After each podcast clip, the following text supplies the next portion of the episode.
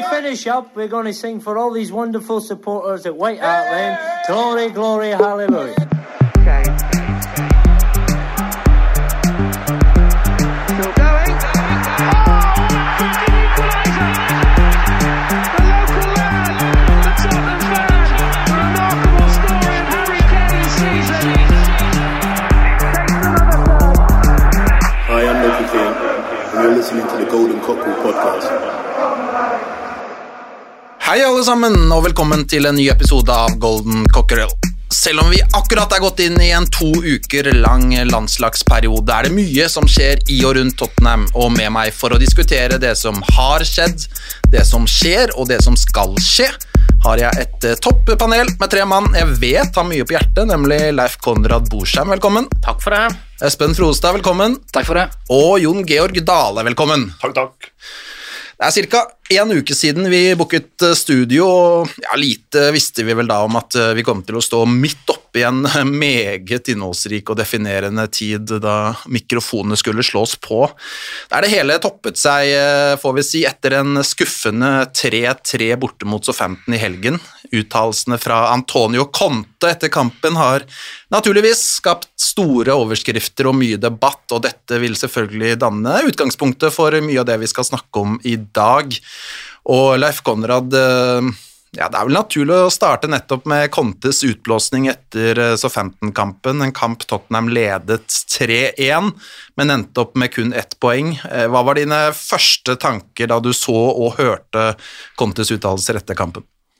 Ja, jeg var på hyttetur i helga og fikk jo egentlig ikke med meg dette før uh, datt inn noen meldinger med, med noen sitat fra det som han hadde sagt, og, og da ble jeg rett og slett sjokkert uh, sånt umiddelbart med uh, hva i all verden er dette for noe. Um, og tenkte egentlig da at uh, det, han overlever ikke den kvelden engang. Han er ferdig uh, i løpet av lørdagskvelden. Um, det er jo ikke mulig å snakke sånn om egne spillere og arbeidsgiver. Um, så har han sikkert rett i en del av det han eh, sier, da. Eh, og det var sikkert en del som hadde behov for å høre det òg, og trengte å høre det, og, og bli rista litt i. Men det er klart, eh, han, han tar det jo så langt at det er jo, det er jo ingen vei tilbake. Men så ble det kanskje litt i første omgang eh, ekstremt tabloid. Eh, du så tweets komme ut i diverse spørskontoer, eh, kanskje fra noen medier om at eh, Conte skjeller ut spillerne uten at eh, en ser kanskje det ti minutter lange pressekonferansen. Så det var jo ekstremt tabloid det som kom ut på, på lørdag, før en kanskje begynte senere å se det totale bildet av eh, hva som faktisk ble sagt. da. Så Ja, for etter at du har sett hele Espen, for du har sett hele pressekonferansen, har jeg skjønt. eh, Føler du at eh, noe eller mye av det han sier, faktisk stemmer og er riktig?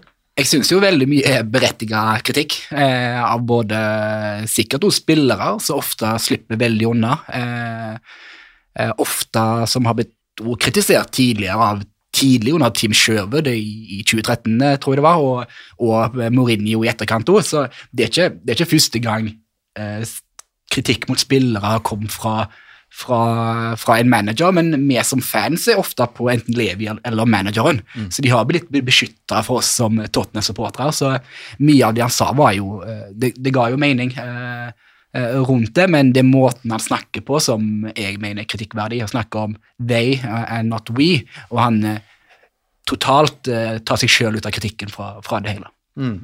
Jon Georg, hvorfor har Contes uttalelser skapt så mye reaksjoner hvis han faktisk har noen gode poenger i det han sa, tenker du? Fordi de er strategisk helt på trynet. Mm. Hvis du skal i krigen, så må du ha noen allierte. Og når du brenner bruer alle veier, du skyter oppover og du skyter nedover og du peker alle andre plasser enn på de som har ansvaret, så står du til slutt igjen alene. Og det er jo den situasjonen som gjør jobben hans uhåndterlig etter dette. Så spørsmålet er jo hva tid går han? Går det ei uke, går det to uker, eller går det tre dager? Altså det, det er jo ingen som vet. Men vi vet helt sikkert at du kan ikke ha langsiktig tillit i en sånn jobb. Du kan ikke først hive spillerne under bussen, ta klubbledelsen med på kjøpet, snakke om manglende ambisjoner for en klubb som har investert milliarder av kroner de siste åra, både i spillermaterialet og i bygging av ny stadion og alt som hører ved det. Så der har jo vært satsa, men har ikke klart å få til resultat. Og når du da peker alle andre plasser, ja, da uh, feller det på seg urimelighet til Og, slutt. og det er jo ikke første gangen han, han gjør det heller. ikke sant? Det er jo en litt sånn historie som følger med Conte. Han gjorde det samme i Chelsea og anklagte klubben for ikke å ha samme ambisjoner som han, og de ikke hadde penger nok til å oppfylle de, de eh, kravene og de ambisjonene som, som Conte hadde der. Og, og det er kanskje den klubben som har brukt eh, mest penger i verden de siste 20 åra. Og så er det jo, ja, er det jo sånn at uh, det var en periode veldig god flow rundt Conte, men han ville ikke signere ny kontrakt. Uh, og den usikkerheten som kommer med det, hvorfor skal spillerne, klubben, fans binde seg til Conte hvis ikke han vil binde seg til en, til en klubb? Uh, han får det gitt litt tilbake i trynet eh, med en gang, da, da når han er ute og, og sier dette, at eh, klubben viser mangel på ambisjoner, har gjort det siden Levi og Enik tok over, eh, men så viser han ikke ambi ambisjoner sjøl, fordi han velger bare å si ja, arrivederci, og jeg er ferdig med, med Tottenham. Ja, Tenker du at uttalelsen hadde blitt tatt annerledes imot hvis han hadde signert en treårskontrakt for to måneder siden? Det kan godt være. Eh, det kan òg være at han da hadde et annen vinkling på selve uttalelsen. og Ja. Jeg tenker Da har han vært dyrere å sparke. Og Det er eneste, for- det er eneste forskjellen. Ja. Fordi en sånn mann, altså Når du uttaler det som han gjør her, da er det ingen vei tilbake. Du kan ikke skyte alle veier og komme unna med det. Så Hvis han nå hadde hatt signert ny kontrakt, så hadde vi bare hatt et større problem. Nå kan vi i det minste bli kvitt den. Eh, og det, det tror jeg liksom er den eneste naturlige konsekvensen av dette. Og så er spørsmålet hadde han gjort det hvis han nettopp hadde signert. Kanskje ikke. Og Det er kanskje hovedbeviset på at i så tilfelle så vet han inderlig godt hva han gjør. Det er en avskjedssøknad, og den er skrevet med såpass tydelig eh, blekk på papiret at det er bare å innvilge den. Ja, og så tror jeg han, han har mista fansen eh, lenge før nå den siste uka. Eh, Merka det på, på stadion, stemninga på stadion, at, at eh, det, det er vært synkende gjennom hele sesongen. Det er ingen som synger på Antonio lenger. Eh, fotballen er kjedelig, folk forventer å få noe annet. Og når da resultater blir sånn som de blir Det er topp fire ennå, husk på det. Men vi ryker ut av FA-cupen på en helt latterlig måte. Vi ryker ut av Champions League på en helt latterlig måte, og vi holder på å hive vekk poeng mot eh, lag vi skal enkelt slå, og vi skal klare å ta den fjerdeplassen og, komme oss inn i Champions League igjen neste sesong. Så han må jo ta, det, han må ta ganske mye av dette ansvaret sjøl òg. Det er han som har det sportslige ansvaret oppi det hele. Og han kan liksom ikke bare løpe vekk fra det og anklage alle andre for å ikke gjøre jobben sin. Nei, Det er jo han som tar noen valg eh, mot Sheffield. Eh, Det er han som tar et valg i ligacupen eh, borte mot Nottingham, eh, hvis det var det i høst, i turneringer som kanskje er realistisk, da. Det er der vi har en mulighet til, til å vinne noe. Eh, Vi, vi deltar hvert år i ja, fire turneringer, Europa, Premier League, FA-cup og ligacup, men de to mest realistiske, og hvis vi snakker om realistisk i, i, i, i hermetegn, så er det jo FA-cupen og ligacupen vi har sjanse til å vinne noe. Så, men det kaster han jo bort. Eh, roterer på laget og skylder da på spillerne at de ikke møter opp. Eh, I Pratenesund så skriver vi onsdag 22. mars, klokken er 17.30, og grunnen til at jeg sier det så detaljert, er jo fordi Foreløpig så er jo Conte Tottenham-manager. Eh, Det kan jo skje ting eh, mens vi spiller i nå, eller senere i kveld eller i morgen, så status per nå er at Conte fortsatt er, eh, er Tottenham-sjef, og så kan det plutselig skje noe som gjør at han ikke er det når du hører på dette. Men uh, Jon Georg, du sa at Conte er ferdig. altså Var det en avskjedssøknad, eller var det bare eller, eller vil avskjeden være en konsekvens av at alt det han har sittet inne med, og, og den ventilen som bare ploppa ut, at, at det gjør at han, det er uh, ingen vei tilbake? Nei, eh, det er en avskjedssøknad, og du, han veit hva han gjør. Altså, Du kan ikke miste besinnelsen når du er leder på toppnivå, og det er han. Eh, og han leder en stor klubb med store ambisjoner, med et spillermateriale som det har vært investert milliarder av kroner i. Og det var satsa storskilt. Så kan det være mange diskusjoner rundt det eierskap til Inik. Det kommer sikkert en eierrunde på det. Men det er ikke mulig for han å tro at han kan slippe unna med den måten han opptrer på. Og da eh, er det bare altså Enten så har han mista fotfestet fullstendig, og da er det liksom et oppgave for helsevesenet og ikke for noe annet, eller så vet han utmerket godt hva han gjør, og jeg tror nok det, dessverre det er det. Og da eh, sørger han for at eh, dette ble hans endelikt, og så er det bare spørsmålet hvor lang tid det går. Vi kan jo ta litt av det han sa. da, altså, Han går jo til angrep på alt fra både klubbens historie de siste 20 år og spillerstallen og, og egentlig eh, det meste. Eh, snakker om en eh, klubb som er vant til å, å ikke ha eh, noe å spille for. Man ønsker ikke å spille viktige kamper, man ønsker ikke å spille under press, man ønsker ikke å spille under stress. Eh, eh, de er vant til å ikke vinne trofeer. Hvor er spillerne? De spiller for seg selv. Eh, eh, det er ganske sterke ord, da. altså han gjør dette rett før en landslagspause nå, spillerne forsvinner hver til sitt, skal representere landslag. Eh, er det sånn at alle her rundt bordet tenker at han bør sparkes nå? Ja, det er bare å få det ut dørene fortere enn en fy. Eh, begynne prosessen mot eh, en ny trener, om det blir noe på kort sikt nå fram mot sommeren eller et langtidsprosjekt med en gang, men vi kjenner ingenting på at han eh, møter opp mot eh, Everton om ca. to uker. Altså det er jo sånn at Hvis du skal lede en garderobe, så er tillit avgjørende. Det er, jo ikke mulig at dette ikke påvirker tilliten i den garderoben, og da jeg tenker jeg, da er det bare å få henne av gårde. Og så tror jeg at gitt det trenermaterialet som er på på liksom ledig nå, i hvert fall, så er det kanskje greit å vente med en langsiktig løsning til, til sommeren, når det er plutselig andre ting også som kan skje i, i flere klubber. Men, men eh, det er ingen grunn til å dvele ved Conte etter den oppførselen. Men tenker vi da at eh, det er helt ok at Mason eh, fullfører de ti siste kampene? Det er, jo, det er jo det som er alternativet hvis vi venter Ja. med en, eh, Det er det. en, en permanent løsning til sommeren.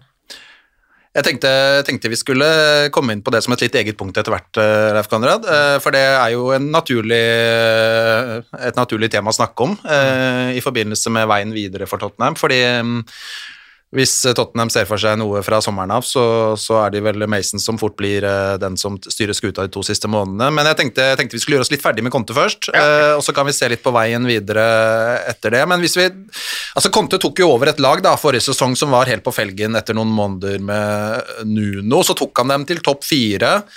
Eh, og alle- var jo fornøyd med det, men denne sesongen så har det haltet mer. eh, til tross for at de fortsatt kjemper om en Champions League-plass. da. Men hvordan vil dere rangere Contes tid som Tottenham-manager, gitt at han er ferdig denne uka her, da? Jeg, jeg, altså, jeg lurer litt på hva som skjedde forrige sommer. Jeg. Ehm, alle tenkte liksom da nå får han en hel preseason, nå får han gjort noen endringer i spillertroppen, nå får han det litt sånn som han vil ha det. Han får hente inn eh, ja, nye spillere som han tenker passer det, til hans måte å spille på. Og så ser vi vel nå at eh, hvis du skal rangere beste signeringer sist sommer, så er det kanskje Fraser Foster som nå dukker opp som, eh, Ja. som det beste alternativet. Og det sier jo ganske mye, da. Eh, sant? Eh, Hvor interessert Altså, hva skjedde når Bizuma ble signert? Hva skjedde når Jed Spence ble signert? Hva skjedde når Richarlison ble signert? Altså, han har jo ikke valgt å bruke dem. Eh, Så, så, så, så hvem er det som tar disse beslutningene her, da? Blir de tatt over hodet på kontet? eller har han vært med i en prosess her? For har han vært med, så er jo det òg nesten en oppsigelsesgrunn i seg sjøl å, behandle spillerne på den måten etter å ha fått de eh, inn til klubben. Ja, jeg er kjempeenig i- det poenget der, og eh, det virker nesten som han fraskriver seg litt av det ansvaret som hva som skjedde i, sommer. Eh, de hadde ekstrem suksess med Kulusevski og Bentancour. Der var han veldig tydelig på at det var hans type spillere, han hadde jobba med de før. Men så var det òg Conte som hadde lyst på Langlet. Eh, han, ville plukke, han ville ha Langlet til Inter tidligere, han var et stor fan av Richarlison. Men i noen kamper har vi tatt to bytter. Eh, Du har fem mulige. Han har ikke valgt å endre kampbildet.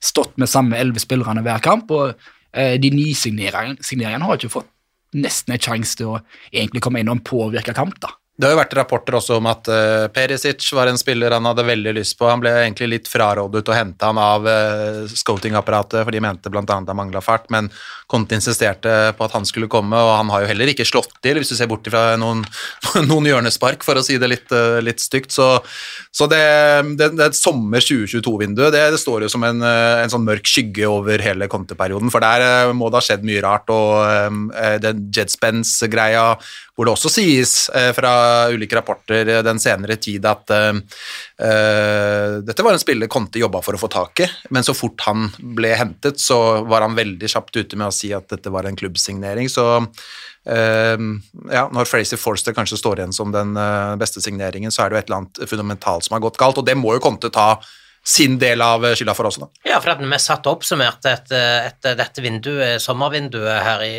i fjor høst, mm. så, så var, jo, var, vi jo veldig fornøyd med det, da. Altså, her hadde klubben fått inn signeringer på plasser der det var nødvendig å styrke, og så, og så har det jo bare blitt eh, surr, og det er ingen av de som har eh, utvikla seg på noe som helst. Noen har ikke fått muligheten til det, mens de som har fått sjansen, har jo òg bare blitt dårligere. Mm.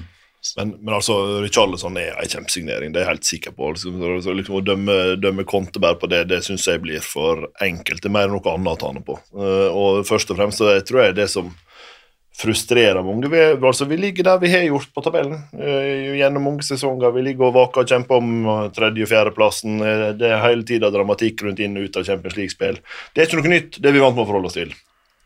Problemet er jo at vi spiller dritkjedelig fotball, mm. så ingen av oss er vant med, og som ingen av oss gidder å se på. Eh, og vi, vi prøver å forsvare inn en 1-0-seier, eller, eller bytte oss ut. Uh, liksom, eller bytte oss mer defensive på 3-1 uh, eh, i forrige kamp, f.eks., for eksempel, som, som er et, liksom et klassisk eksempel på på det som jeg tror frustrerer veldig mange. da. Eh, vi prøver ikke å dominere kampene lenger. Vi, vi går ut fra start og det første kvarteret så lurer du på om de er våkne utpå der. Og da, eh, når du gjør det kamp etter kamp, så nekter jeg å tro at det er bare sløve spillere som gjør det. Altså det er en, Enten så er det en gameplan, eller så er det feil management i inngangen til kamp som gjør at vi havner i den situasjonen gang etter gang. Og det, det, mener jeg er hovedproblemet som Conte har hatt uh, det siste året. Og det som da får oss til å ulme og bli ja, forbanna, da, egentlig, er jo at Levi går ut før det er managersigneringene og sier at we're gonna bring back the Spurs DNA etter uh, Mourinho er ferdig. Uh, og så kommer Nuno, der du får ja, Har menn hatt et skudd på mål under Nuno? Det vet jeg ikke. Uh, og så kommer Conte. Eh, det er jo ikke det vi kjenner igjen som det free-flowing Tottenham, Harry Redknapp, Pochettino eh, og alt det som kom før det. Det var et offensivt Tottenham som vant 4-3 istedenfor eh, mm. skal forsvare inn den 1-0 og ende opp i 1-1. Ja. Og det tror jeg det skal Levi ha kritikk for. Eh, måten han håndterte og håndterte alt dette med managere.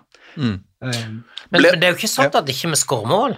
Nei, vi har skåret ganske altså, bra det, det, er jo bare to lag som har skåret mer mål ja, enn oss. Det er forsvarsspillet som har vært det store problemet. Ja, og, for, og, ja, vi slipper inn mye mål, så det mm. burde jo i utgangspunktet sånt uh, være veldig underholdende. Det har gått veldig mye på å utnytte motstanderen sin svak, uh, sine feil. Uh, samme under Mourinho. At uh, mm.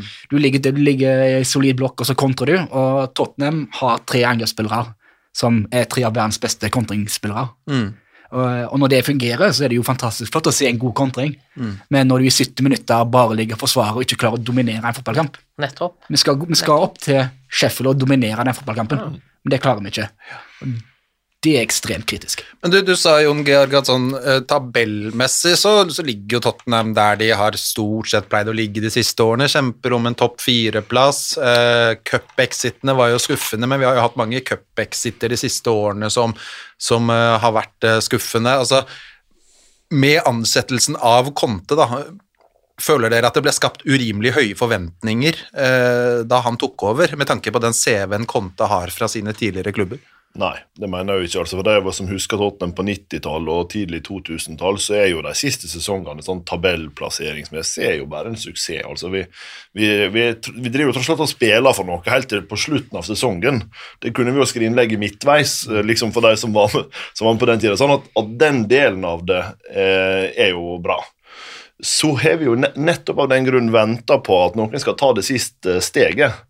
Og nå har vi investert i nye treningsfasiliteter, i ny stadion, vi investerer massivt i spillerstallen. Og vi greier å gjøre det samtidig som vi driver butikk i en eh, stor, stor klubb som Tottenham, og ikke bare en formidabel cashburn. Så på mange måter så drives det jo godt og profesjonelt, eh, men du har mangla det siste steget. Og vi mener jo at vi på mange områder har spillermateriale til å gjøre nettopp det, men vi greier ikke å få ut potensial, og det var jo det en trodde en skulle få med Conte. Og da, tenker jeg liksom, Det er en godt begrunna forventning når du ser på merittlista, men, men vi har liksom ikke klart å få ut få ut resultatet av det. Og det mener jeg, det, det er sikkert mange å peke på i det, men til sjuende og sist, altså når du bruker så mye ressurser som vi også gjør på den uh, trenerstallen som vi nå har, så må vi forvente at de klarer å levere resultat over tid. Og de får penger, og de får, eh, liksom alle muligheter til å gjøre det. Så, så det du tenker er at det, det var høye forventninger til Conte, så det var høye forventninger om at han skulle ta dette laget, men det var ikke urimelig høye forventninger om det? Nei, tvert imot. Er en klubb som er villig til å fortsette å bruke penger på den basisen som vi hadde i spillergruppa når han kom, burde ha ambisjoner om å kjempe om uh, ligatitler. Så enkelt er det. Ja, og så Og er jeg helt, jeg er helt enig med deg, men så, så dukker jo det spørsmålet opp, da. Er, vi, er vi som fans og klubb altfor utålmodige? Sånn. Altså, vi holder på å bytte managere nå i ett uh, kjør. Um, og blir liksom aldri fornøyd. Hvis vi ser på gjengen rett ned i gata for, uh, for Tottenham, så, så har jo Arteta fått lov til å bruke tid. Han, han eh, var nesten på vei ut dørene, han òg, en periode der. Men, men klubben liksom sto, sto ved han og, og eh, var trygg på, på det som han hadde satt i gang, at det på en måte skulle bære frykter på, på sikt. Um, sånn at en kan godt se for seg at kan, Tottenham bør være mer eh, tålmodige her nå, og liksom gå litt for et prosjekt. Men det nytter jo ikke når du sitter og har en manager som, eh, som nekter å skrive en ny kontrakt.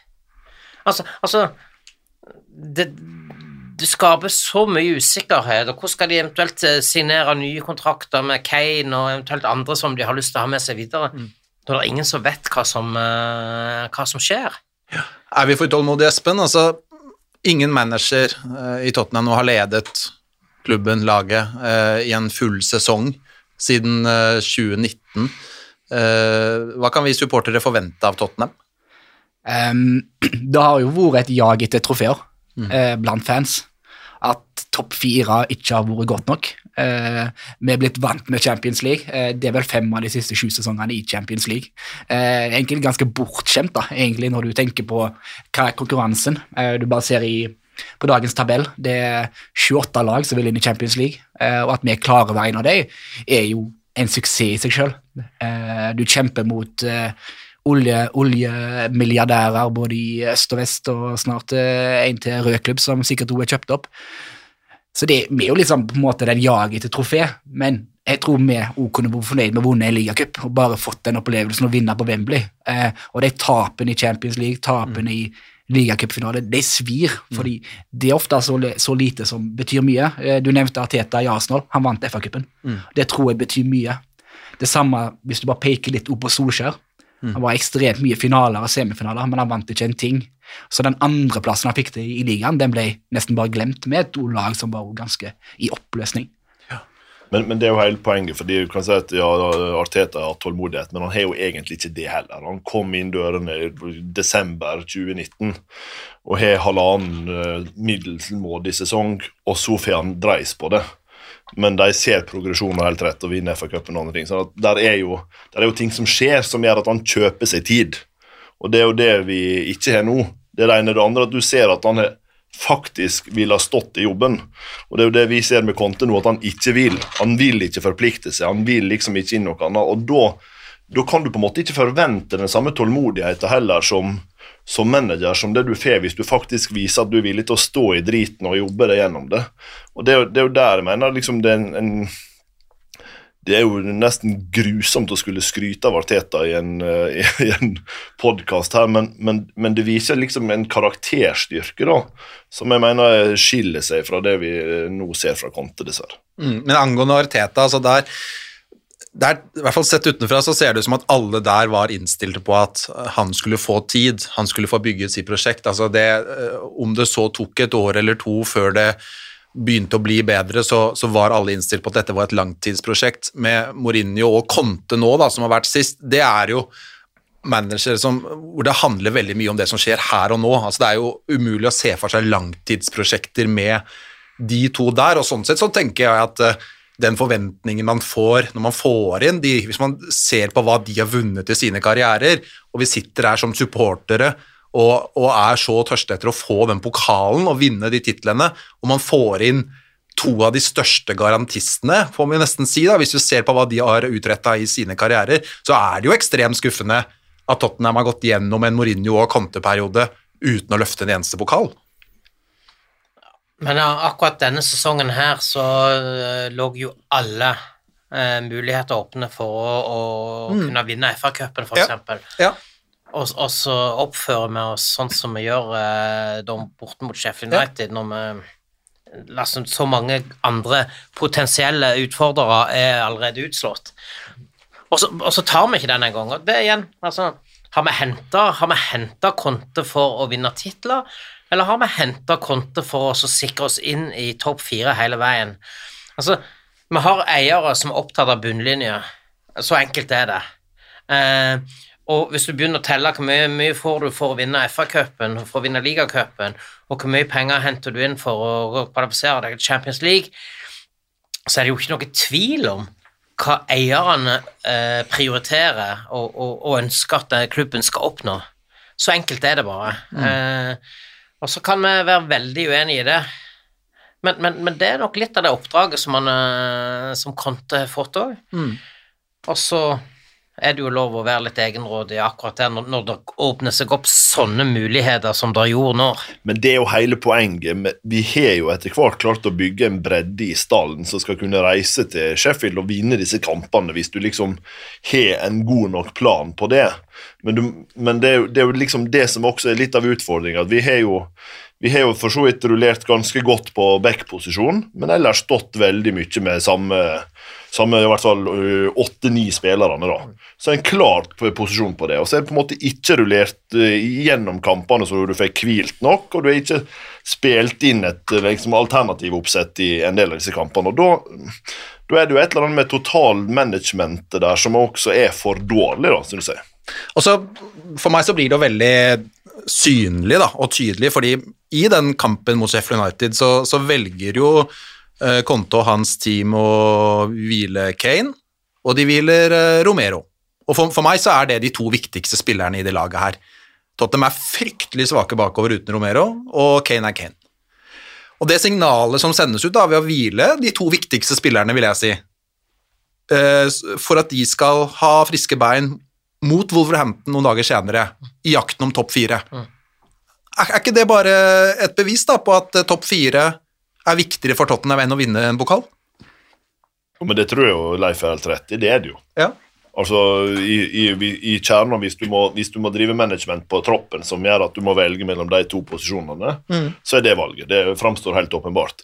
Spørsmålet er må vi det for å hamle opp med Sheffield United i en sånn match. Og det, det er jo min påstand at vi er sammensatt med en tropp som skal være god nok til å ta det likevel.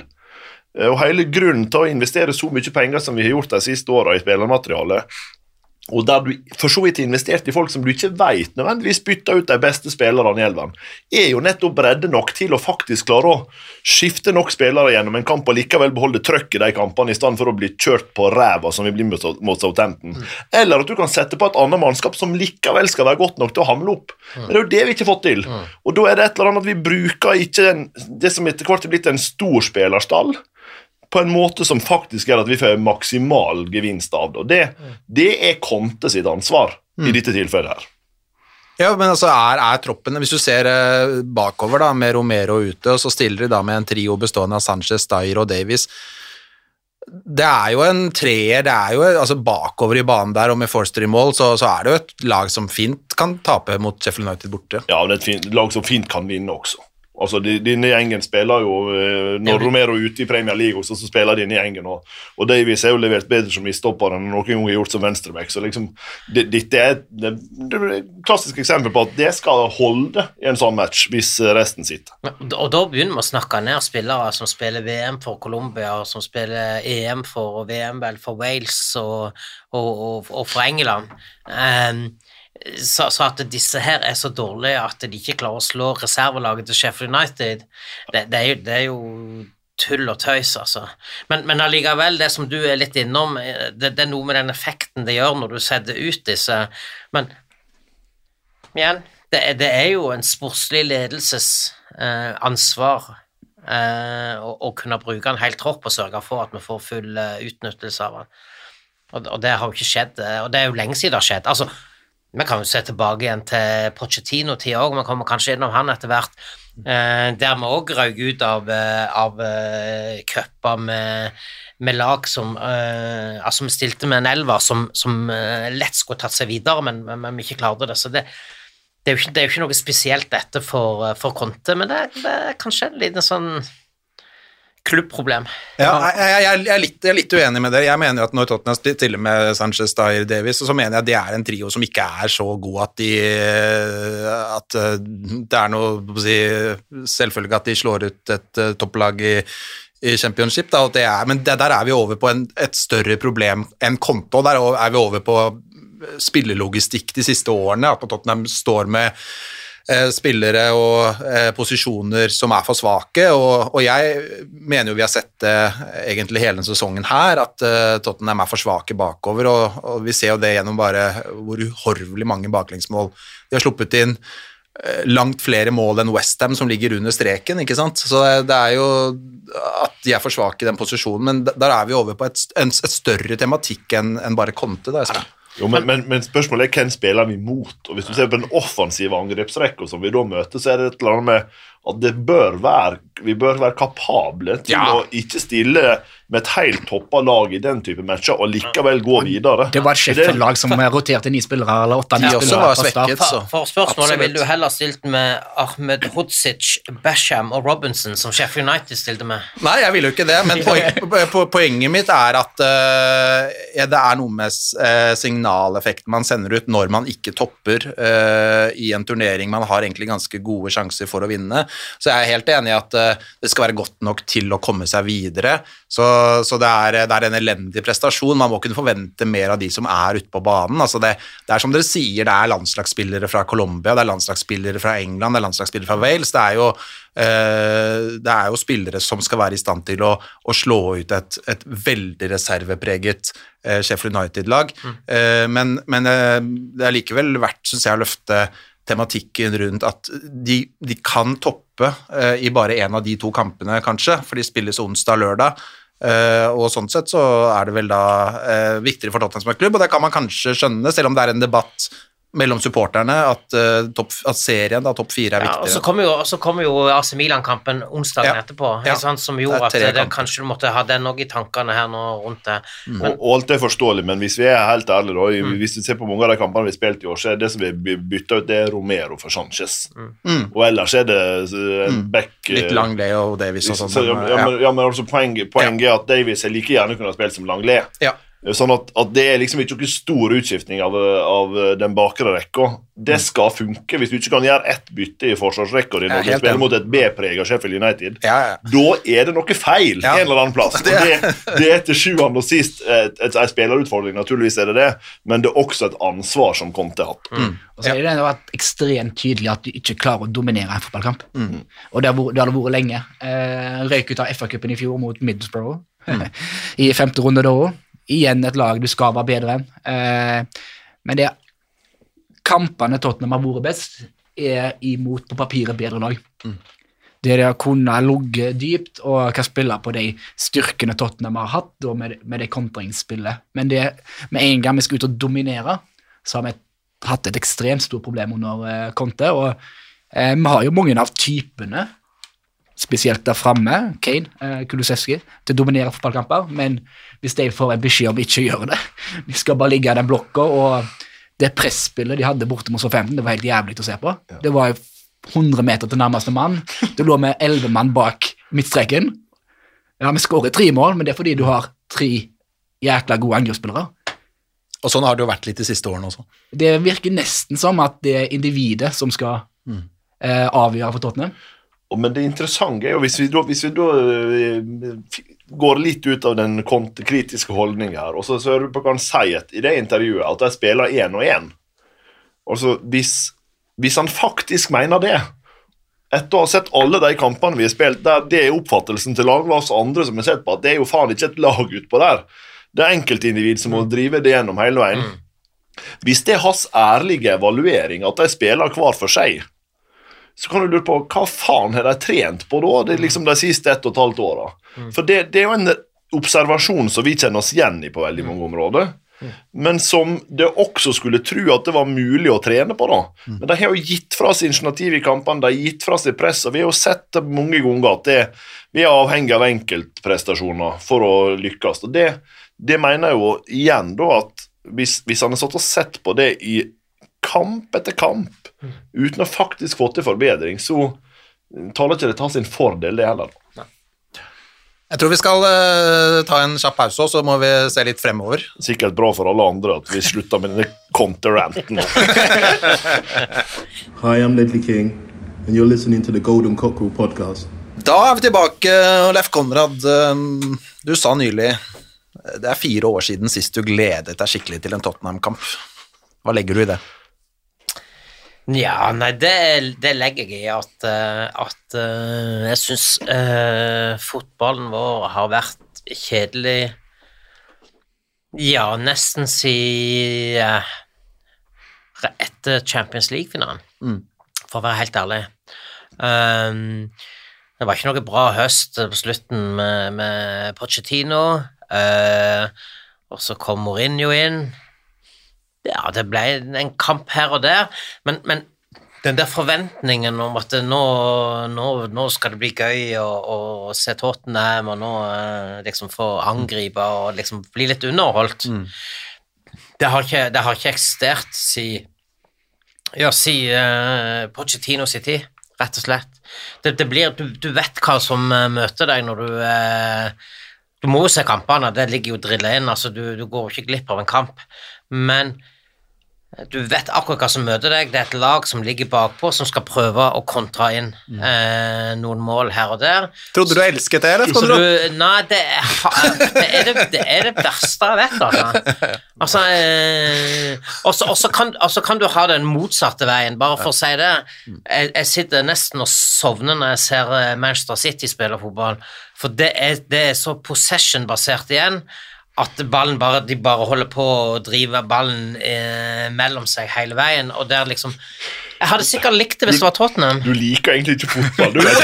Jo, jeg gjør det. Så hva faen hvor du spiller, så er det feil. Nei, men, nei, men jeg, jeg, vil, jeg vil bli underholdt, eh, og jeg trenger å bli litt sånn underholdt. Det, skal være liksom Du skal liksom våkne opp, det er kampdag, du, Nei, du du, gleder du skal være ha ganske et- tungsinna, Leif. Hvis du ikke liksom, ikke er på managerskifte, så er du et glimt av illusjon om at nå kan det bli bedre. Du skifter tre ganger siden Pochettino, og du bare tenker hver gang dette må gå til helvete. Det går ikke, det går ikke an. Nei, ja, nei, men jo, du ser det jo ganske kjapt. Den, den starten til Conte var jo ikke bra. Nei. Og så fikk han jo en, en eh, fjor eh, vår som, som jo faktisk var bra. Og, og hvis jeg skal si at regelen som uh, unntaket som bekrefter regelen, så var jo det de kampene i mai. Eh, Arsenal, Burnley Altså, da var vi, da var vi der, ikke sant? Og vi, vi rulla litt over, tok, tok tak i kamper og, og, og var veldig bra. Men det var liksom det er et par kamper, det. Uh, så er det daua helt hen igjen. Jeg savner jo litt eh, de øyeblikkene uh, uh, der du hørte stolene på White Hart Lane smelle i hop når eh, Enten det var bekkene med Walker Rose som kom ned, eller Aren Lennon. Det øyeblikken der du ser det bare Det kjøres på, og gønner på, og det er ingen konsekvenser. Der angrep er det beste. Ja. Og den har jeg savna lenge. Ja, og, og jeg stiller jo dette spørsmålet til dere, fordi det er jo mange som har den oppfatningen du har, Leif Konrad, at de siste årene eh, har vært kjedelige. Det har vært kjedelig å se Tottenham spille kamper. Så kunne man jo kanskje aksepterte, da, hvis resultatene hadde vært veldig veldig gode, og de hadde vunnet eh, pokaler, og, men når man da egentlig ikke har hatt noe særlig oppsving i resultatene heller, det er bare fotballen har blitt kjedeligere, så tror jeg de fleste er, eh, er ganske klare for en ny kurs, da. Og det bringer oss over på nettopp den diskusjonen hvem bør være Altså, Hva bør være managerkursen videre, kan vi egentlig snakke litt om først. Hvilken retning bør Tottenham stake ut nå i jakten på en ny manager? Nei, men eh, det, det, det, jeg tror det sier seg litt sjøl, altså den her eh, kortsiktige satsinga på, på, et eller annet svært eh, navn med negativ fotball som bare liksom jakter trofeer, det, det, det, er ikke Tottenham. Altså det, det, jeg sa det at ja, Mourinho er en bra manager, men, men han og Tottenham er en dårlig eh, match. Mm. Og, og, det samme blir sagt nå om, om Tottenham og Conte. Så, så, så det, altså, Conte kan sikkert dra videre til neste klubb, han, og vinne titler, men det er ikke Tottenhams DNA han uh, formidler, uh, og, og, det er liksom der vi må litt tilbake igjen, som, som Espen var innom òg tidligere. Sant? At det var jo det Daniel Levy lova oss uh, etter, etter, Mourinho, at de, de hadde mista seg sjøl litt i liksom Få ny stadion, og alt så så fint ut, at nå skulle de liksom bare henke inn disse trofeene. Så, så, jeg ønsker meg mer liksom at man kan rett og slett bli underholdt. Da skal jeg overleve både et tap og fire, altså. Men, men, jeg må liksom glede meg til kamp og ha tro på at det her, det her, blir gøy. Jeg er jo usikker på om det er mulig for deg til å glede deg til kamp igjen. Jo, jo, jo. altså, du gledet ikke deg engang til nyåpninga mot Crystal Palace for tre og et halvt år siden, eller noe sånt. Så det er jo, det er jo Ja, du gjorde det, ja? ja ok, så du, du, tok kanskje litt hardt i, da. Men det er fint. Men, men jeg, altså, jeg, er jo enig, vi, vi, trenger, vi trenger en manager som som vil noe, først og fremst, og som har et prosjekt. Og så er jo litt problemet som vi har øh, vært gjennom øh, Vi diskuterte jo dette like før vi bytta sist, øh, og vi fikk Conte inn døra, at hvem er der ute, egentlig? Og er jo, er, Vi er jo fortsatt tilbake igjen der. Vi har jo på mange måter akseptert premissen om at Conte var det som vi ville ha sist. Mm. Eh, og Før det var vi litt usikre, så vi hadde Ten Hag i, i, liksom i kabalen og lignende. Han er ikke der lenger. Men, men, hvem er der ute, egentlig? Uh, og Det er jo det som er litt utfordringa vår. Det er jo ingen som vi har sånn kjempetru på. Jeg har kanskje én favoritt sjøl, men det kan du ta en litt seinere i sendinga. Bare for å holde spenninga gjennom hele denne podkasten. Hva tenker du da, Lars Peder? Du... Styre og styre her, men uh... Ja, nei, jeg er jo enig, og jeg tror nok mange, mange er enig i at uh, Nå har vi vært gjennom Så jeg setter Nuno litt i parentes her, for jeg, det, det, var så på sida, og det ble så kort. Men hvis du tar Mourinho og Conte, da nå har de prøvd det kortsiktige. Uh, de har prøvd de på en måte garantistene i hermetegn for pokaler, og så tror jeg det er noe med matchen Mourinho-Conte-Tottenham som som ikke eh, er optimal, da, for å si det sånn, så skal vi ikke snakke mer om dem nå. Men for å se fremover jeg, jeg tror de må litt tilbake til der de var da Pochettino kom inn i, i 2014. Eh, de må Første bud, og det mener jeg, det, det høres ut som en selvfølgelighet, men, men eh, de må ha en manager nå, få tak i manager, som inderlig, virkelig ønsker å være i Tottenham. Om, om det så sier jeg altså, jeg er usikker altså, De må ha en manager som som ser på Tottenham som større enn seg selv. Og det er jeg faktisk usikker på om de eh, hadde med Mourinho og Conte, da, for å ta de to eksemplene. Og så må de ha en manager som ønsker å være der og bygge sitt prosjekt. Og det starter for meg ved lengden på kontrakten. Altså, de, de kan ikke, for alt i verden, så kan de ikke nå ansette en manager på en ny sånn 18 måneders ish kontrakt. Da. da går det et kvarter, og så er spekulasjonen i gang hvor lenge han skal bli, og hvem som skal ta over etter han. Det, det, må, det må, være ja. Det er jo den usikkerheten og den gjensidige tilliten, og ja. eh, du ser spillerne. Mm. Eh, det kan ikke være lett som en spiller, da, ansatt i en klubb, å vite at sjefen din ja, kanskje Nei. han er ferdig om 12 eh, måneder eller 18 måneder. Ikke sant? For de har ingen forutsigbarhet. da. Det blir ikke noe forutsigbarhet i det hele tatt. Så det er litt den der, det perspektivet en ny manager bør ha. Og så tenker jeg at man må, som dere sier, og det er jo jeg er jo helt enig, det må være manager som, som, står for noe av det Tottenham skal stå for som klubb. Altså Man skal bli underholdt. Det må være en en, eh, en bedre spillerutvikler, tenker jeg, enn det Mourinho og Conte var. Eh, Det må være en spiller som, eh, eller en manager som har mer offensiv tankegang om hvordan fotball skal spilles.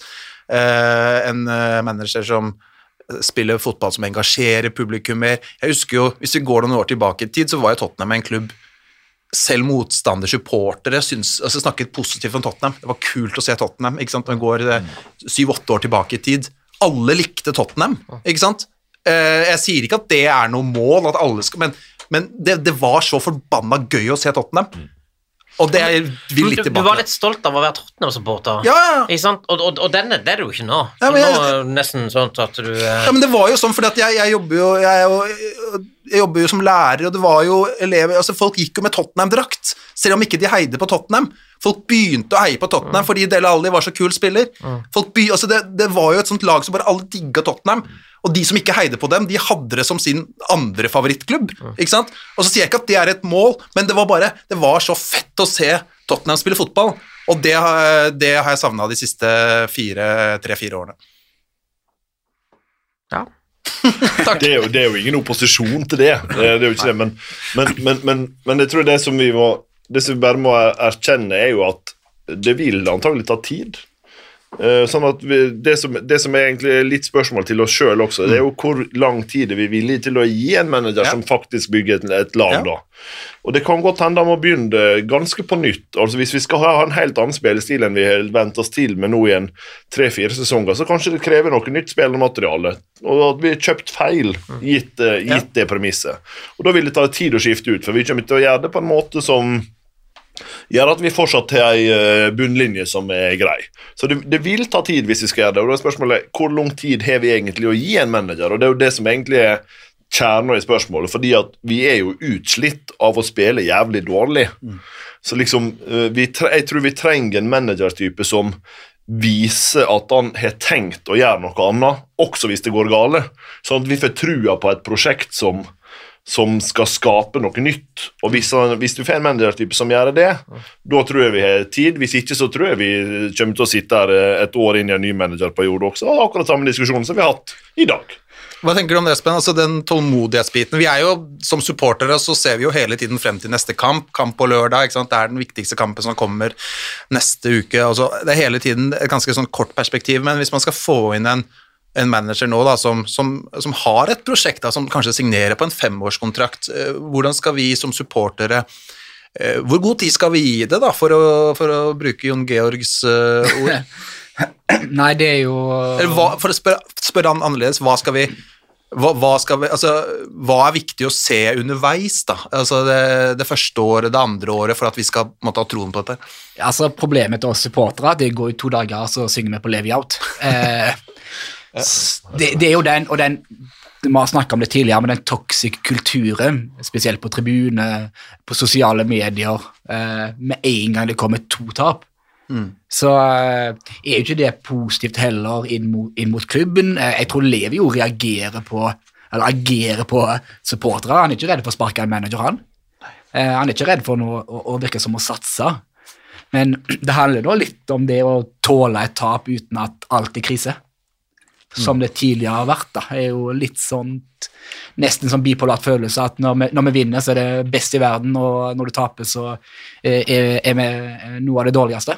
Ja. Så det, det ja, faen, Jeg skulle gjerne ha vært uh, tålmodig, jeg, og jeg føler meg som en tålmodig sjel, men det ulmer jo fort. Ehm, og det er jo kanskje litt av eh, problemet. da, Vi er blitt utålmodige som fans pga. suksessen vi har opplevd de siste ti årene. Og, Ja. og spørsmålet er også om den måten vi agerer på som supportere, gjør at uh, Levi og styret av og til må reagere raskere enn de må for å berge egen rygg.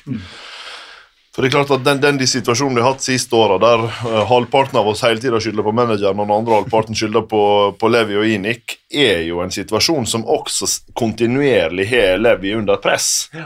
Hvis det ikke skapes resultat, uh, og, ansvaret blir plassert der, så må han rydde opp i det. Og så begynner han på nytt. Og da er manageren ut den enkleste måten å gjøre det på, fordi Inik har tenkt å være en langsiktig eier som, som både utvikler Tottenham og tjener penger på det. Og det, det gjør jo et eller annet med dynamikken her som, som jeg tror også vi må være bevisst. Og så er det kanskje en liten klisjé, da, men det en var god på under eh, kanskje under Rednap, under Pochettino, eh, Joll Du hadde fans som gikk bak laget hvis du lå under til pause. Eh, ligger du under 1-0 i dag, så er det buing på tribunen og eh, ganske negativ stemning på tribunen. Og Liverpool har jo vært velkjent for at Anfield-publikummet kommer bak dem, de vet ikke å komme tilbake. Eh, og alt det der, da, så en har jo på en måte litt seg eget ansvar for det, om vi skal skylde på at det er flust i turister og alt det der på en ny, flott stadion. Jeg vet ikke, men en kan jo være med å påvirke et lag i en retning også som supporter. Nei, jeg, jeg tror det handler vel så mye om at eh, det ser ut som at vi ikke bryr oss, eller spillerne ikke bryr seg. Det ser ut som ikke de prøver. Sant? Vi ligger bak der, og så triller vi litt ball, og så slår vi en lang ball opp til Og så skal, og så skal vi prøve å jakte den, og så skal vi prøve å vinne ballen litt høyere, sånn at vi kan få til en kontring. Og det, det, det, ser ut som det er litt sånn giddeløst og halvhjerta og, og sånt, og da, da får du ikke med tribunen heller. Altså, her, her er Du kan godt si at ja, det, er- det er sløvt på tribunen, men her er det samspill som, som må til. Ikke sant? Eh, Fansen må, må dra i gang dette, men hvis du får null respons for det som skjer på, ut på banen, så dauer det automatisk hen. Og det, og det er helt rett. og det er klart, det er ikke Under Pochettino så var jo en av de fine tingene at hvis vi lå under til pause, så trodde vi at det skulle snu. Så du liksom å, ro, å rope på spillere så du vet ikke om du gjør sitt ytterste for å snu matchen, det er lett. Og, og liksom bruke all energi på spillere som ser ut som de har mest lyst til å tusle av banen og gå og dusje, gir liksom ikke helt samme energien. Så det, det, det, er jo en, det er jo helt rett, det er jo et samspill i dette. Men eh, jeg tror liksom Når vi ser forbi det, så, så krever det hvis vi skal forvente at styret har tålmodighet med en manager som skal sette laget på nytt, så fordrer det at også vi har tålmodighet med styret, så de får gjort den jobben. Hvis ikke så er, så er jo dette en negativ spiral så bare fortsett. Ja, men så, så kommer det igjen, da. Det er, er ingen, er ingen som vet. Det er ingen som vet hva styret, hva eierne tenker om det som foregår i Tottenham. De, de velger jo å få bli helt tause, så, så, så du vet ingenting om dette. Dette handler også om kommunikasjon òg. Hvordan, hvordan får du med deg fansen på et større prosjekt? Jo, da må du liksom være villig til å dele litt om tanker rundt dette. Og Der hadde jo egentlig Conte et ganske godt poeng. Nå vet vi at både Paratici og Levi har vært ute i Spørs media, veldig altså det er jo veldig styrt, nesten litt sånn kommunistisk, eh, etter hvert overgangsvindu. Men eh, han nevnte vel det kontet at han alltid må svare på spørsmål om klubbens retning, eh, styrets retning, eh, hvordan de tenker på lang sikt og kort sikt, så ville det vært mye mer naturlig at om det er Paratici eller Levi som faktisk får de spørsmålene. Eh, av og til at ikke Conte skal sitte og svare på det. Hvis Ja. Men det er jo en veldig sånn engelsk greie. Og det er med Pep også, som måtte svare for det som han måtte svare for for noen uker siden. Så det er jo Men det er jo ikke bare det. Det er jo en gang han som går i intervjusona etter matchene. og liksom, Hvis du ikke skjønner at det følger med managerrolla i en stor engelsk klubb, da har du gjort dårlig research. Du blir stilt foran kamera hele tida, for det er jobben din å stå der. Da får du naturligvis også de spørsmålene du ikke vil ha. Og Det som er preger sportsjournalistikken mer enn noe annet, er jo at de slipper billigere unna enn alle andre aktører ville ha gjort i en tilsvarende situasjon. Fordi at uh, sportspressa tross alt, også i England, selv om det ikke alltid overskriftene bærer preg av det, eh, er nå i hvert fall mer høflig da enn en del annen journalistikk faktisk vil være. Så det er jo det er jo et eller annet med Det må du faen meg forvente at det er en del av Men- jobben din. men ja, Men, jeg, men er ikke det altså, eh, vil, vil ikke det være i arbeidsgivers interesse, eierens interesse, å avlaste eh, manageren litt for den type ting som, som, som ligger et annet sted? Altså, altså det, det er jo ikke noen grunn til at det, altså, det skaper jo bare overskrifter, det skaper negativitet. Altså, De som har ansvar for det, får ta ansvar for det, så får Konte svare for det jeg jo ja, jeg, jeg, jeg skjønner litt og jeg syns jo at Levi har et ansvar her, og Paratici. Eh, Vi hadde et svært intervju med Levi i The Athletic for et par år siden, der han fortalte litt om oppkjøpet, eh, planen, veien videre for Tottenham. Det var et treningsanlegg som var blokk one, blokk to var stadion, og nummer tre var investering. Og vi ser jo kanskje konjunkturene, og at dette bygger oppå hverandre, men siden det har det vært veldig stille, da. og skal vi være tålmodige mot Levi, da, som mange etter ett tap er det Levi out, så skulle jeg gjerne også ønske kanskje sitt enda mer da, en tydelig eh, profil fra, fra klubben der. Men, men sånn basic kommunikasjonsarbeid, for, meg som har vært i politikken, det er håndter på lavest mulig nivå. Du, du har førsteforsvar og andreforsvarslinje og tredjeforsvarslinje, og på toppen, når det virkelig brenner på dass, da må Levi si noe. Men det er ikke hans jobb å liksom kortslutte de prosessene løpende for å holde oss orientert hele tida. Han har folk til det. Men du syns ikke det brenner på dass nå? Jo, det gjør han, og det kommer til å gjøre- medføre at konto må gå. Sånn at, at, at, og det er en reaksjon. Men, men, men det, er ganske, det er ganske vanlig, enten det er politikk eller det er næringsliv eller lignende, at i startfasen, når ting blir vanskelig, så håndterer du det på lavest mulig nivå. Det er helt naturlig. Og du håndterer det der ansvaret ligger. Og ansvaret for de sportslige prestasjonene ligger på manageren. Men så er det kanskje en nesten ekstrem situasjon i Tottenham, der lederen, da, hvis det, det er Levi på toppen, ekstremt involvert sammenlignet med andre styreledere eller chairmans. Det er. Sant? Han, han som ansetter og sparker, han har vært og kjøpt spillere, Soul-spillere, i mye større grad. Han har jo styrt skuta, eh, denne skuta sjøl.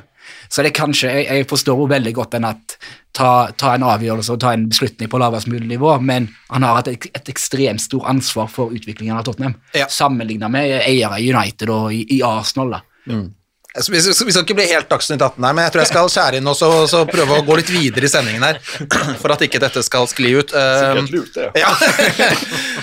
da har vi snakket litt om, eh, om den tålmodighetsbiten, og så er det jo sånn at altså, i pratende stund, fortsatt, jeg ser på mobilen, Conte er fortsatt Tottenham-manager, dere sjekker dere også, det er fint at vi, vi er på notif notification alle sammen. Men eh, rapporten eh, sier jo at han forsvinner da, i løpet av eh, kort tid, Eh, og dermed så er jo ryktene om hvem som eh, skal ta over i, i gang for fullt. Eh, og så kan det jo hende da, at eh, den beste kandidaten ikke vil være tilgjengelig før til sommeren, eller ikke ønsker å ta over før til sommeren. Og da eh, vil det fort være aktuelt med Mason ut sesongen. Er dere komfortable med at Mason leder Tottenham de to siste månedene av eh, årets sesong? Ja, det, nå spiller det ingen rolle. Altså, bare gi, hvis vi får en god, langsiktig løsning, så, så får vi håndtere denne sesongen i lys av den situasjonen vi havner i, tenker jeg. Så må en tåle at det kanskje ikke blir Champions League neste sesong, selv om en ligger der i dag eh, med to kamper mer, men da må en tåle den biten, da. Eh, og så er det jo Mason, da, eh, hvis jeg tar han isolert. Eh, forrige gang han hadde Tottenham, var 29, eh, tidenes eh, yngste Premier League-manager. Det sier jo sitt, og han har sin, sine mål i karrieren, han òg, vil jeg tro, som eh, både trener og manager. Så han tar jo en risiko med å ta, ta dette prosjektet, hvis alle bare vender seg imot han, og han er en, plutselig blir en konstant flopp og syndebukken for at vi ikke klarer topp fire, så, så kan det plutselig gå utover han nå. Eh, men jeg tror det. Han, han vil nok ha et godt team med, seg, med Chris Powell og skal vi tro Ledley King, eh, blant annet. Så det er jo litt av den samme gjengen som vant fire av seks kamper eh, forrige gang eh, de avslutta sesongen eh, i Premier League, eh, du å merke. Ja. Ja. jeg tror bare det blir, det blir det, da, da blir det egentlig litt å bare inn og redde litt æren og prøve å skape litt optimisme inn mot neste sesong. Nå, nå skal vel sesongkortholderne begynne å fornye med frist uh, før, uh, før, før sesongen er over. Eh, så, så klart, det er jo et argument mot å kjøre en sånn midlertidig løsning, for jeg tror folk er relativt eh, oppgitt nå. Det er dårlige økonomiske tider, det er dyrt. Så liksom velger vel, vel folk å fornye dette nå, når ikke de vet helt hva de får. Eh, så, så, så det, det må være en, en plan, og det må kommuniseres noe. Det kan liksom ikke bli litt sånn ja, nei, vi går og venter til, til, til sommeren, og så henter vi inn en Nuno-et fordi at vi ikke har fått tak i noen andre. Eh, så de må lære litt av deg Men, men hvis de har en god plan for dette, at du allerede har noen i eh, kikkerten nå som du må vente med til sommeren av ulike årsaker, så, så, så tror jeg det eh, lever jeg godt med Meisen ut sesongen. Ja, altså Nå kjenner vi jo ikke til de eh, prosessene som skjer internt i Tottenham, og eh, om det da blir sånn at Mason tar over, så, så vet jo ikke vi per nå, i hvert fall, det er, ikke, det er ikke kommunisert noe at det er en som står klar til å ta over i sommer. Men eh, er det noen fare for at vi får en ny Nuno-situasjon, da? At det, det blir en managerjakt i sommer som drar ut og drar ut, og vi ender på en løsning Nå var vel eh, Som ingen er fornøyd med? Paratici god skyld i det sist. Eh, Fonseca var vel nesten Han sto kanskje på Hotspur Way og hadde nesten signert kontrakten til det Paratici plutselig fikk jobben i Tottenham. Så eh, endra jo alt seg. Jeg tror Jeg håper eh, de allierte av sist. Eh, og så er vi ikke økonomisk avhengig av å klare topp fire. Eh, det går helt fint å havne utenfor én sesong, eh, så det, det trenger ikke være at en må tenke nå ti kamper igjen, eh, kanskje?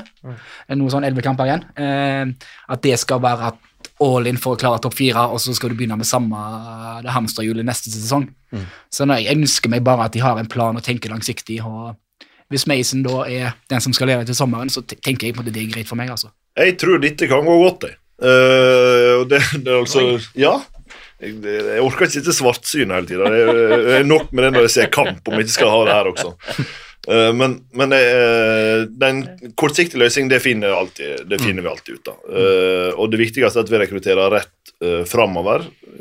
Og jeg mener jo for så vidt at topp fire er viktig, spesielt med tanke på rekruttering av, av nye spillere, hvis vi skal i gang med store transaksjoner på det. men men det viktigste er at vi får en langsiktig løsning som vi kan ha tro på. Da får vi tro at etter flere runder nå med, med det vi kan kalle mislykka managere, så, så tør de også tenke annerledes. Ja, for vi er alle enige rundt bordet her om at den neste manageransettelsen er viktigere enn å klare topp fire-sesongen her.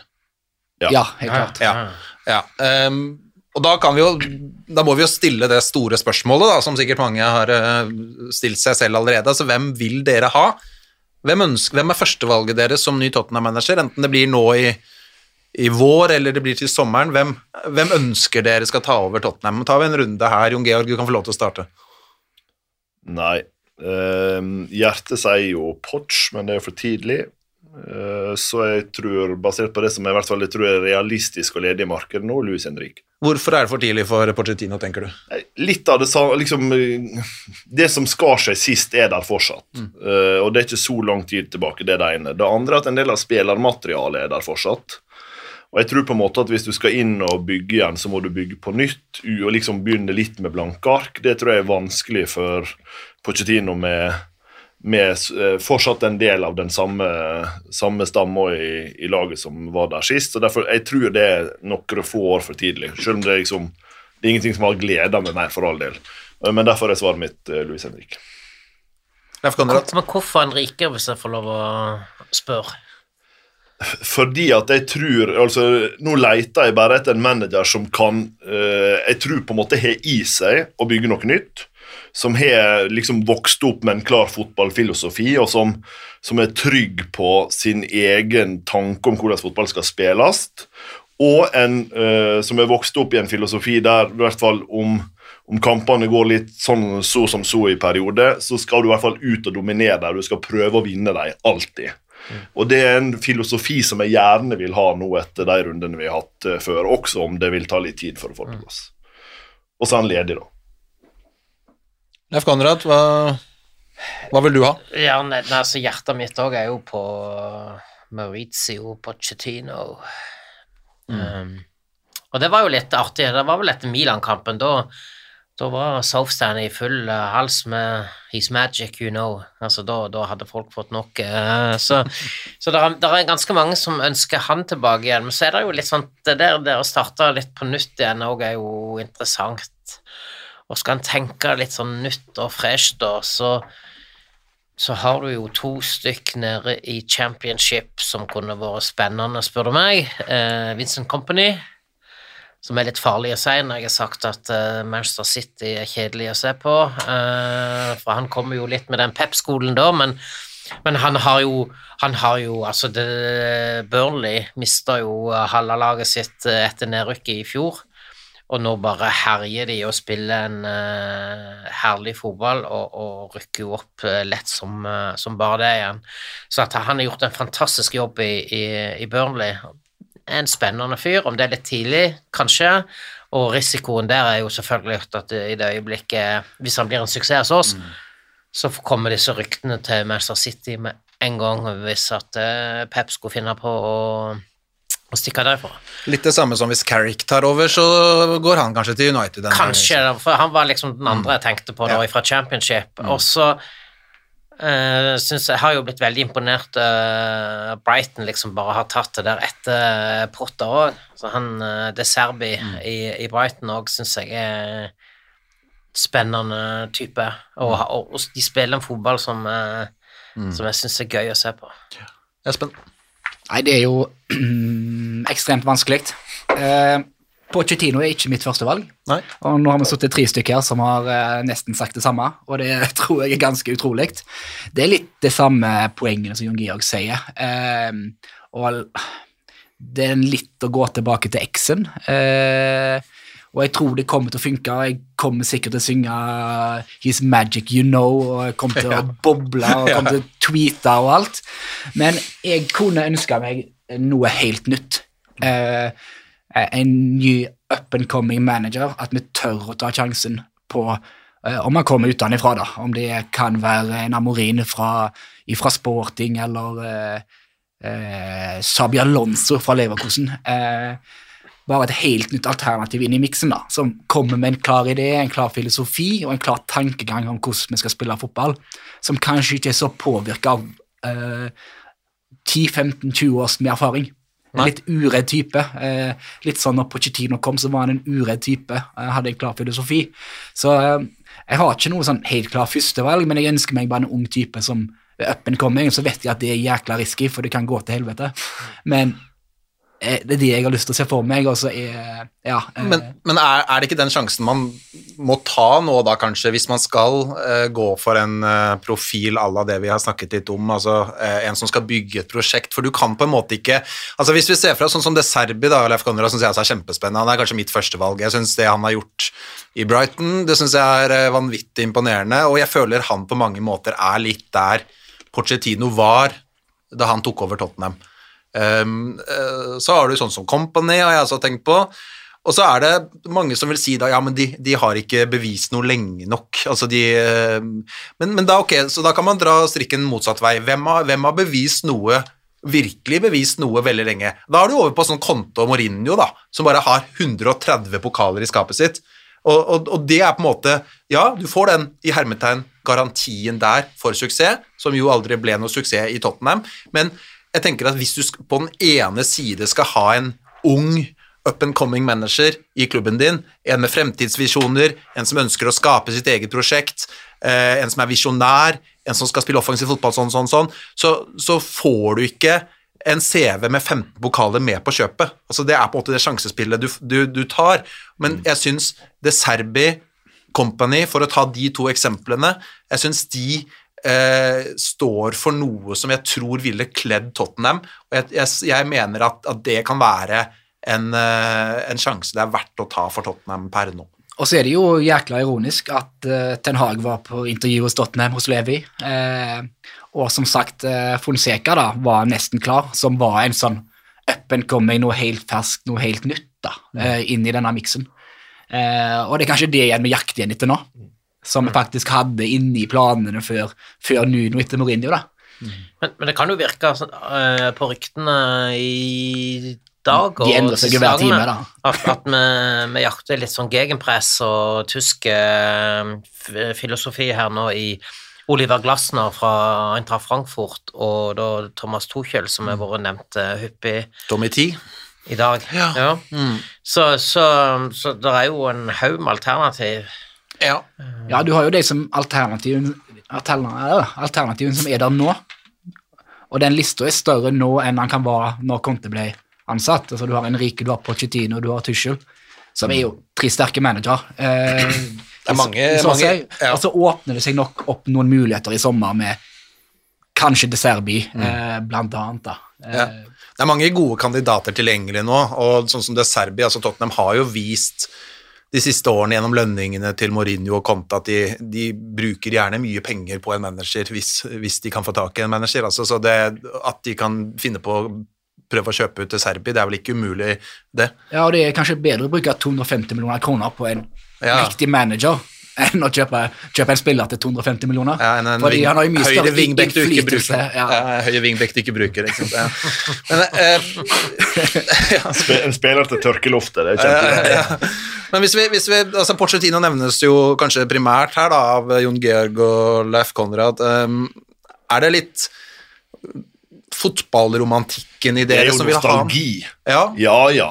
Men det, vi lever jo av vi, le, vi lever jo fortsatt i de dystre tider, i dystre stunder nå. Lever jo fra, på minner fra Pochettino, så det er jo åpenbart at det er det. Ja. Så liksom, er det, er det rasjonelt? Nei, nei, vi har jo ikke holdt med Tottenham hvis vi var rasjonelle sånn i utgangspunktet liksom, fra skapelsen av. Så det er, altså, det, det er jo et eller annet om at det, er jo, det er jo det det vekker av følelsesregister i oss, som gjør at vi tviholder litt på det, tror jeg. Men, men derfor erkjenner jeg jo også at når, når jeg går over i å liksom logisk resonnere, så er jeg, jeg er ikke sikker på om det er rett ennå, men jeg håper jo igjen at jeg skal få oppleve en Pochettino-epoke i Tottenham. Det gjør jeg jo. Ja, jeg, hadde, jeg hadde helt noe godt i glasset hvis han ble bekrefta inn som eh, ny manager og, og virkelig sett fram til neste kamp. Jeg, jeg hadde, jeg hadde, jeg hadde gleda meg noe så enormt for å For bare å få nedturen, sannsynligvis, men Men, men, men, men, eh, men eh, Nei, altså, det, det, det, det var et eller annet med den fyren der.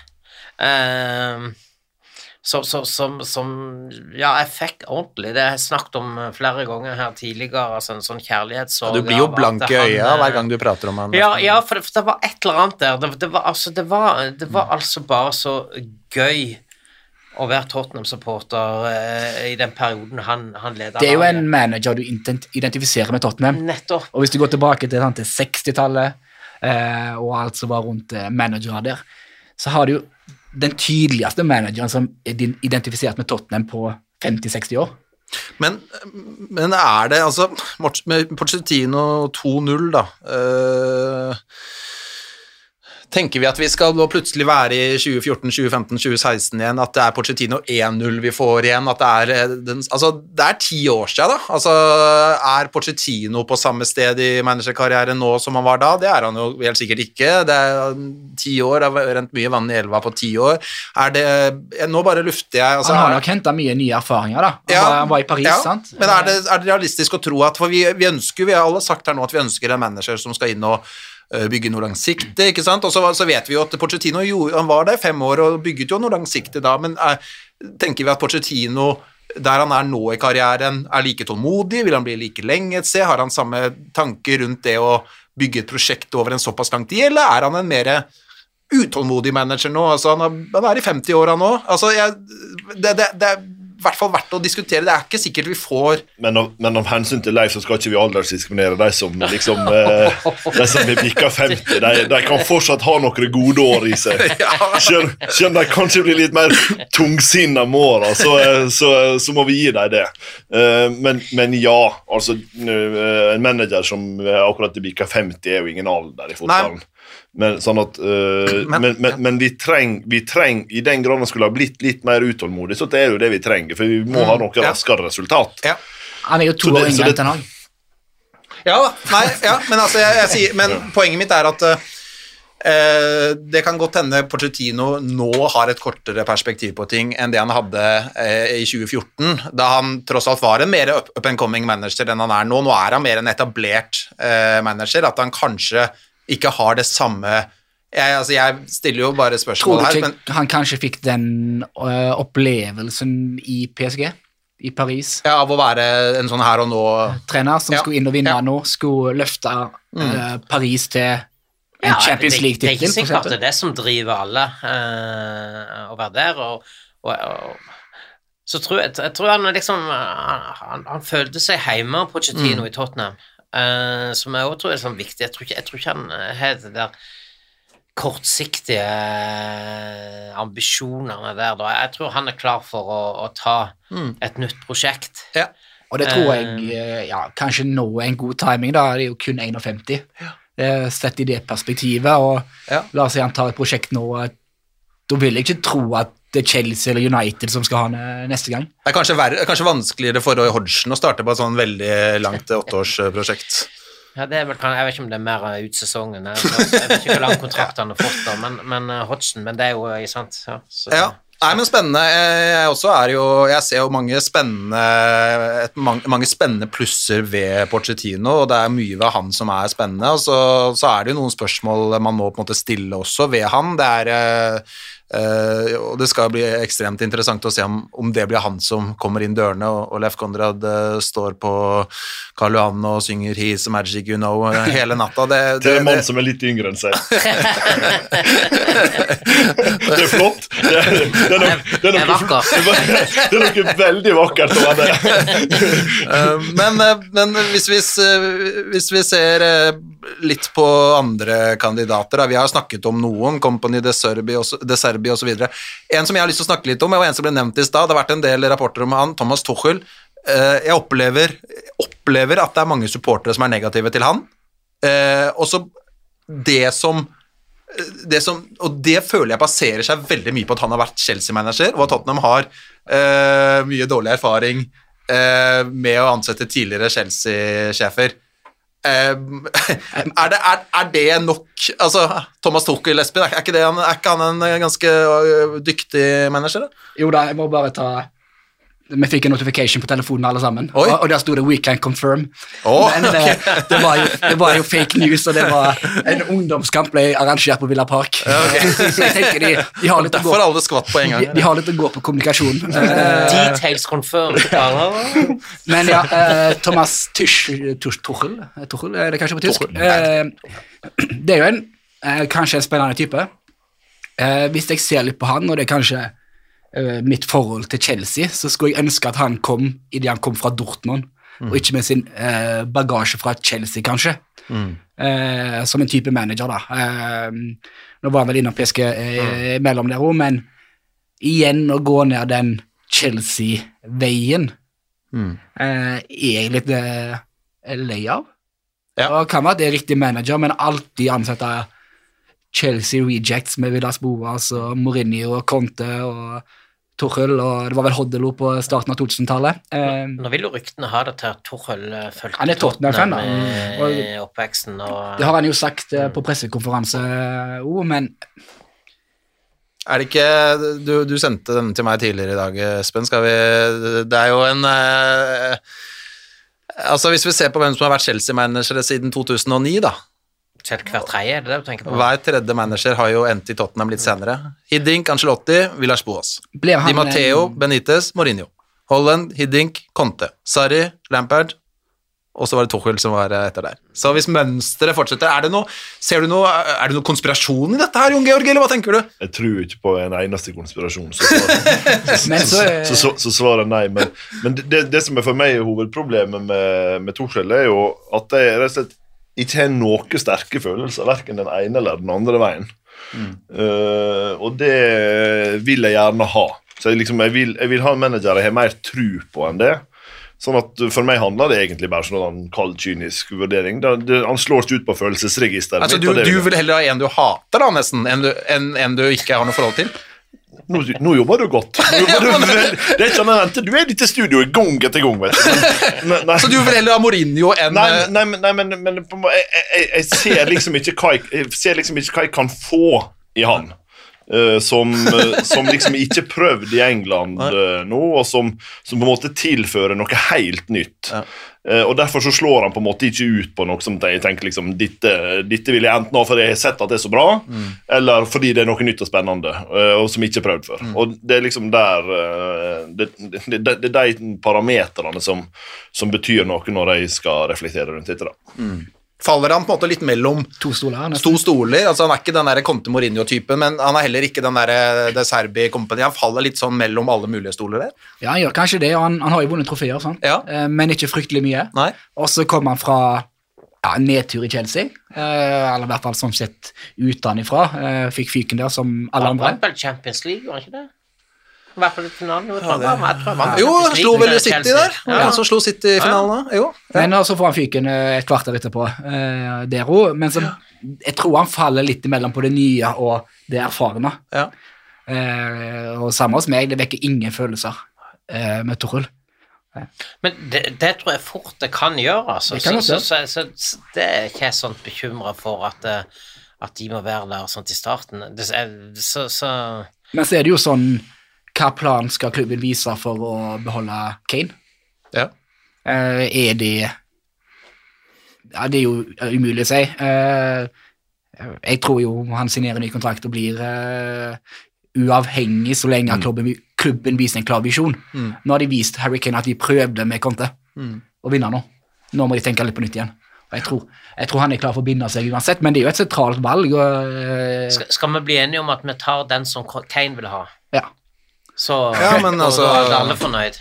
Det er ikke, det er ikke så gærent uh, tenkt. Altså, At Kane får lov å velge manageren. Har vi begynt å søke konsensus i dette studioet nå? Ja, ja, Ja, nettopp. Ja, men jeg, er- jeg, Er du med på det? Jeg er pragmatiker av rang. ja, hvor langt er du villig til å strekke deg der, Leif Konrad? Hvis eh, Kane vil ha tilbake Mourinho, da? Eh, ja, nei, da, der, er- der, er- da, da er det bedre med Hvis han går for, gå for Jake Livermore. Nei, men jeg liksom ikke Nei, men ja. Nei, men, men for å være litt seriøs, altså, hva er det hva er det beste som kan skje i Tottenham, da? Altså, hvis vi ser på det som ligger foran oss nå. Det blir jo en veldig interessant uh, tid nå med en uh, sannsynligvis da en ny manager som skal inn, etter alle solomerker. Altså, hva, hva er det beste som kan skje i Tottenham? Jeg trenger en trener som har en klar visjon en klar plan fra start av, og at dette er fiksa senest midten av juni og ikke langt ut i juli, for du Ja. kommer tilbake i sommer, du skal ha en oppkjøring, og du Ja. har 35 spillere i stallen. Og det, det, det går ikke. Du kan ikke gi alle 35 en sjanse, selv om du heter en dombele og koster 60 millioner pund. Det går ikke. Det må være en klar plan fra start eh, med en gang, og det er denne veien vi går. Og det gjorde Pochettino eh, forrige gang han ble ansatt. Da røyk spillere ut, og ny manager eh, må være på plass tidlig, og ikke en Nuno-scenario igjen. Men det betyr at vi trenger en eh, manager med guts, og så trenger vi en med en klar spillerplan, og så trenger vi en med en filosofi som eh, viser offensiv fotball over tid. Ja. Uh, og hvis vi får det, så spiller det ikke noen rolle hva navnet er. Mm. Og en som vil være der lenge, minimum, helst tre-fireårskontrakt, minimum. Uh, Ja, og det, det, er ikke, det, er ikke mye, det er ikke mye vi trenger eh, for å bli et bra fotballag igjen og, og spille en artig fotball. Og som, du sier, Espen, det er jo 35 spillere hvis vi tar med de som er ute på, på lån. Og det er mange av de som eh, holder høy klasse, som kunne passet inn i et annet type system. Um, så, så, så, så der er det nok en del av de som kan få en mulighet eh, til, vil jeg tro, da. Uh, og tenker kanskje på en Lo Celso, uh, en Regilon Altså, Det er mange millioner på utland, og jeg, jeg tror det Pochettino sa om at en rebuild var viktig, den blir ekstremt viktig i sommer.